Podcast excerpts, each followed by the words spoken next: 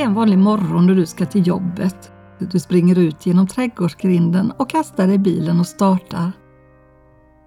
Helt plötsligt lyser en varningslampa. Visst blir man både arg och frustrerad. Du har ett val. Antingen struntar du i lampan och rivstartar för att efter en stund bli stående på motorvägen. Eller så undersöker du varför lampan lyser och åtgärdar felet. Vissa fel kan man fixa själv och annat behöver man hjälp med.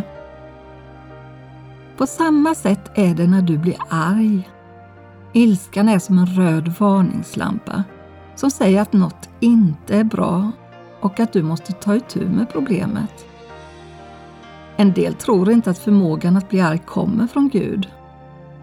Därför har ilskan ibland fått ett oförtjänt dåligt rykte. Gud skapade dig med ett spektrum av känslor och det inkluderar även förmågan att bli arg. Vänta ett tag. Jag ska bara se om det står något bra råd i Bibeln om vad man ska göra när arglampan lyser. Grips ni av vrede, synda inte. Låt inte solen gå ner över er vrede. Inte synda och inte låta solen gå ner över er vrede. Hmm, det där är ju inte lätt när man är så arg.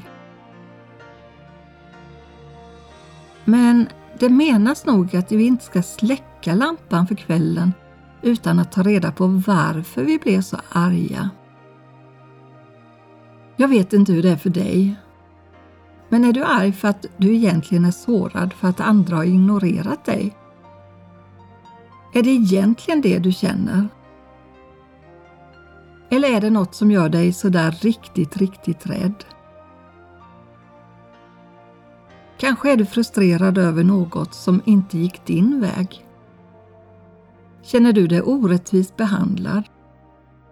Eller bär du runt på oläkta sår inom dig som behöver helas? Men du, du kanske bara är trött och behöver vila. I Saltaren står det, för jag är nära att falla. Jag känner ständigt min smärta. Visste du att förmågan att känna smärta också är något som Gud har utrustat dig med? När smärtan signalerar och orden har tagit slut på grund av din frustration och ilska kan det vara bra att knäppa sina händer och be med saltarens ord. Ransaka mig Gud och känn mitt hjärta. Pröva mig och känn mina tankar. Se om jag är på en olycksväg och led mig på den eviga vägen. Vet du, Gud kan hjälpa dig att bli medveten om den verkliga orsaken till varför du blev så arg. Han kan visa dig vilka känslor som ligger under ytan och skvalpar. När du vet det kan du sätta rätt etikett på vad du egentligen känner och på så sätt komma fram till var problemet sitter någonstans. Behöver du be någon om förlåtelse? Eller behöver du förlåta någon som har gjort dig illa? Glöm inte att varje tillfälle du får för att kunna ställa till rätta så att skadade relationer blir hela igen är en riktig högvinst. Gud vill att du ska bli av med din ryggsäck så att du kan gå ut och älska både dig själv och din nästa. Om du är arg för att du egentligen är trött, glöm då inte att vila.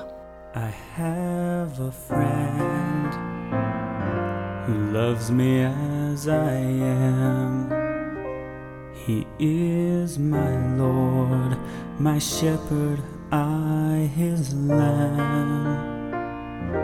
I have a friend who wants the best for me he knows my soul and sees all I can be.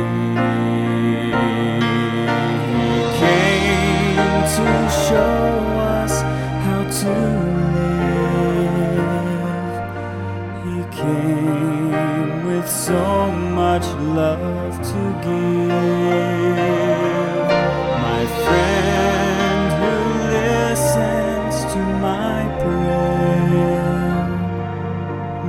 Savior, He is always there. I have a friend.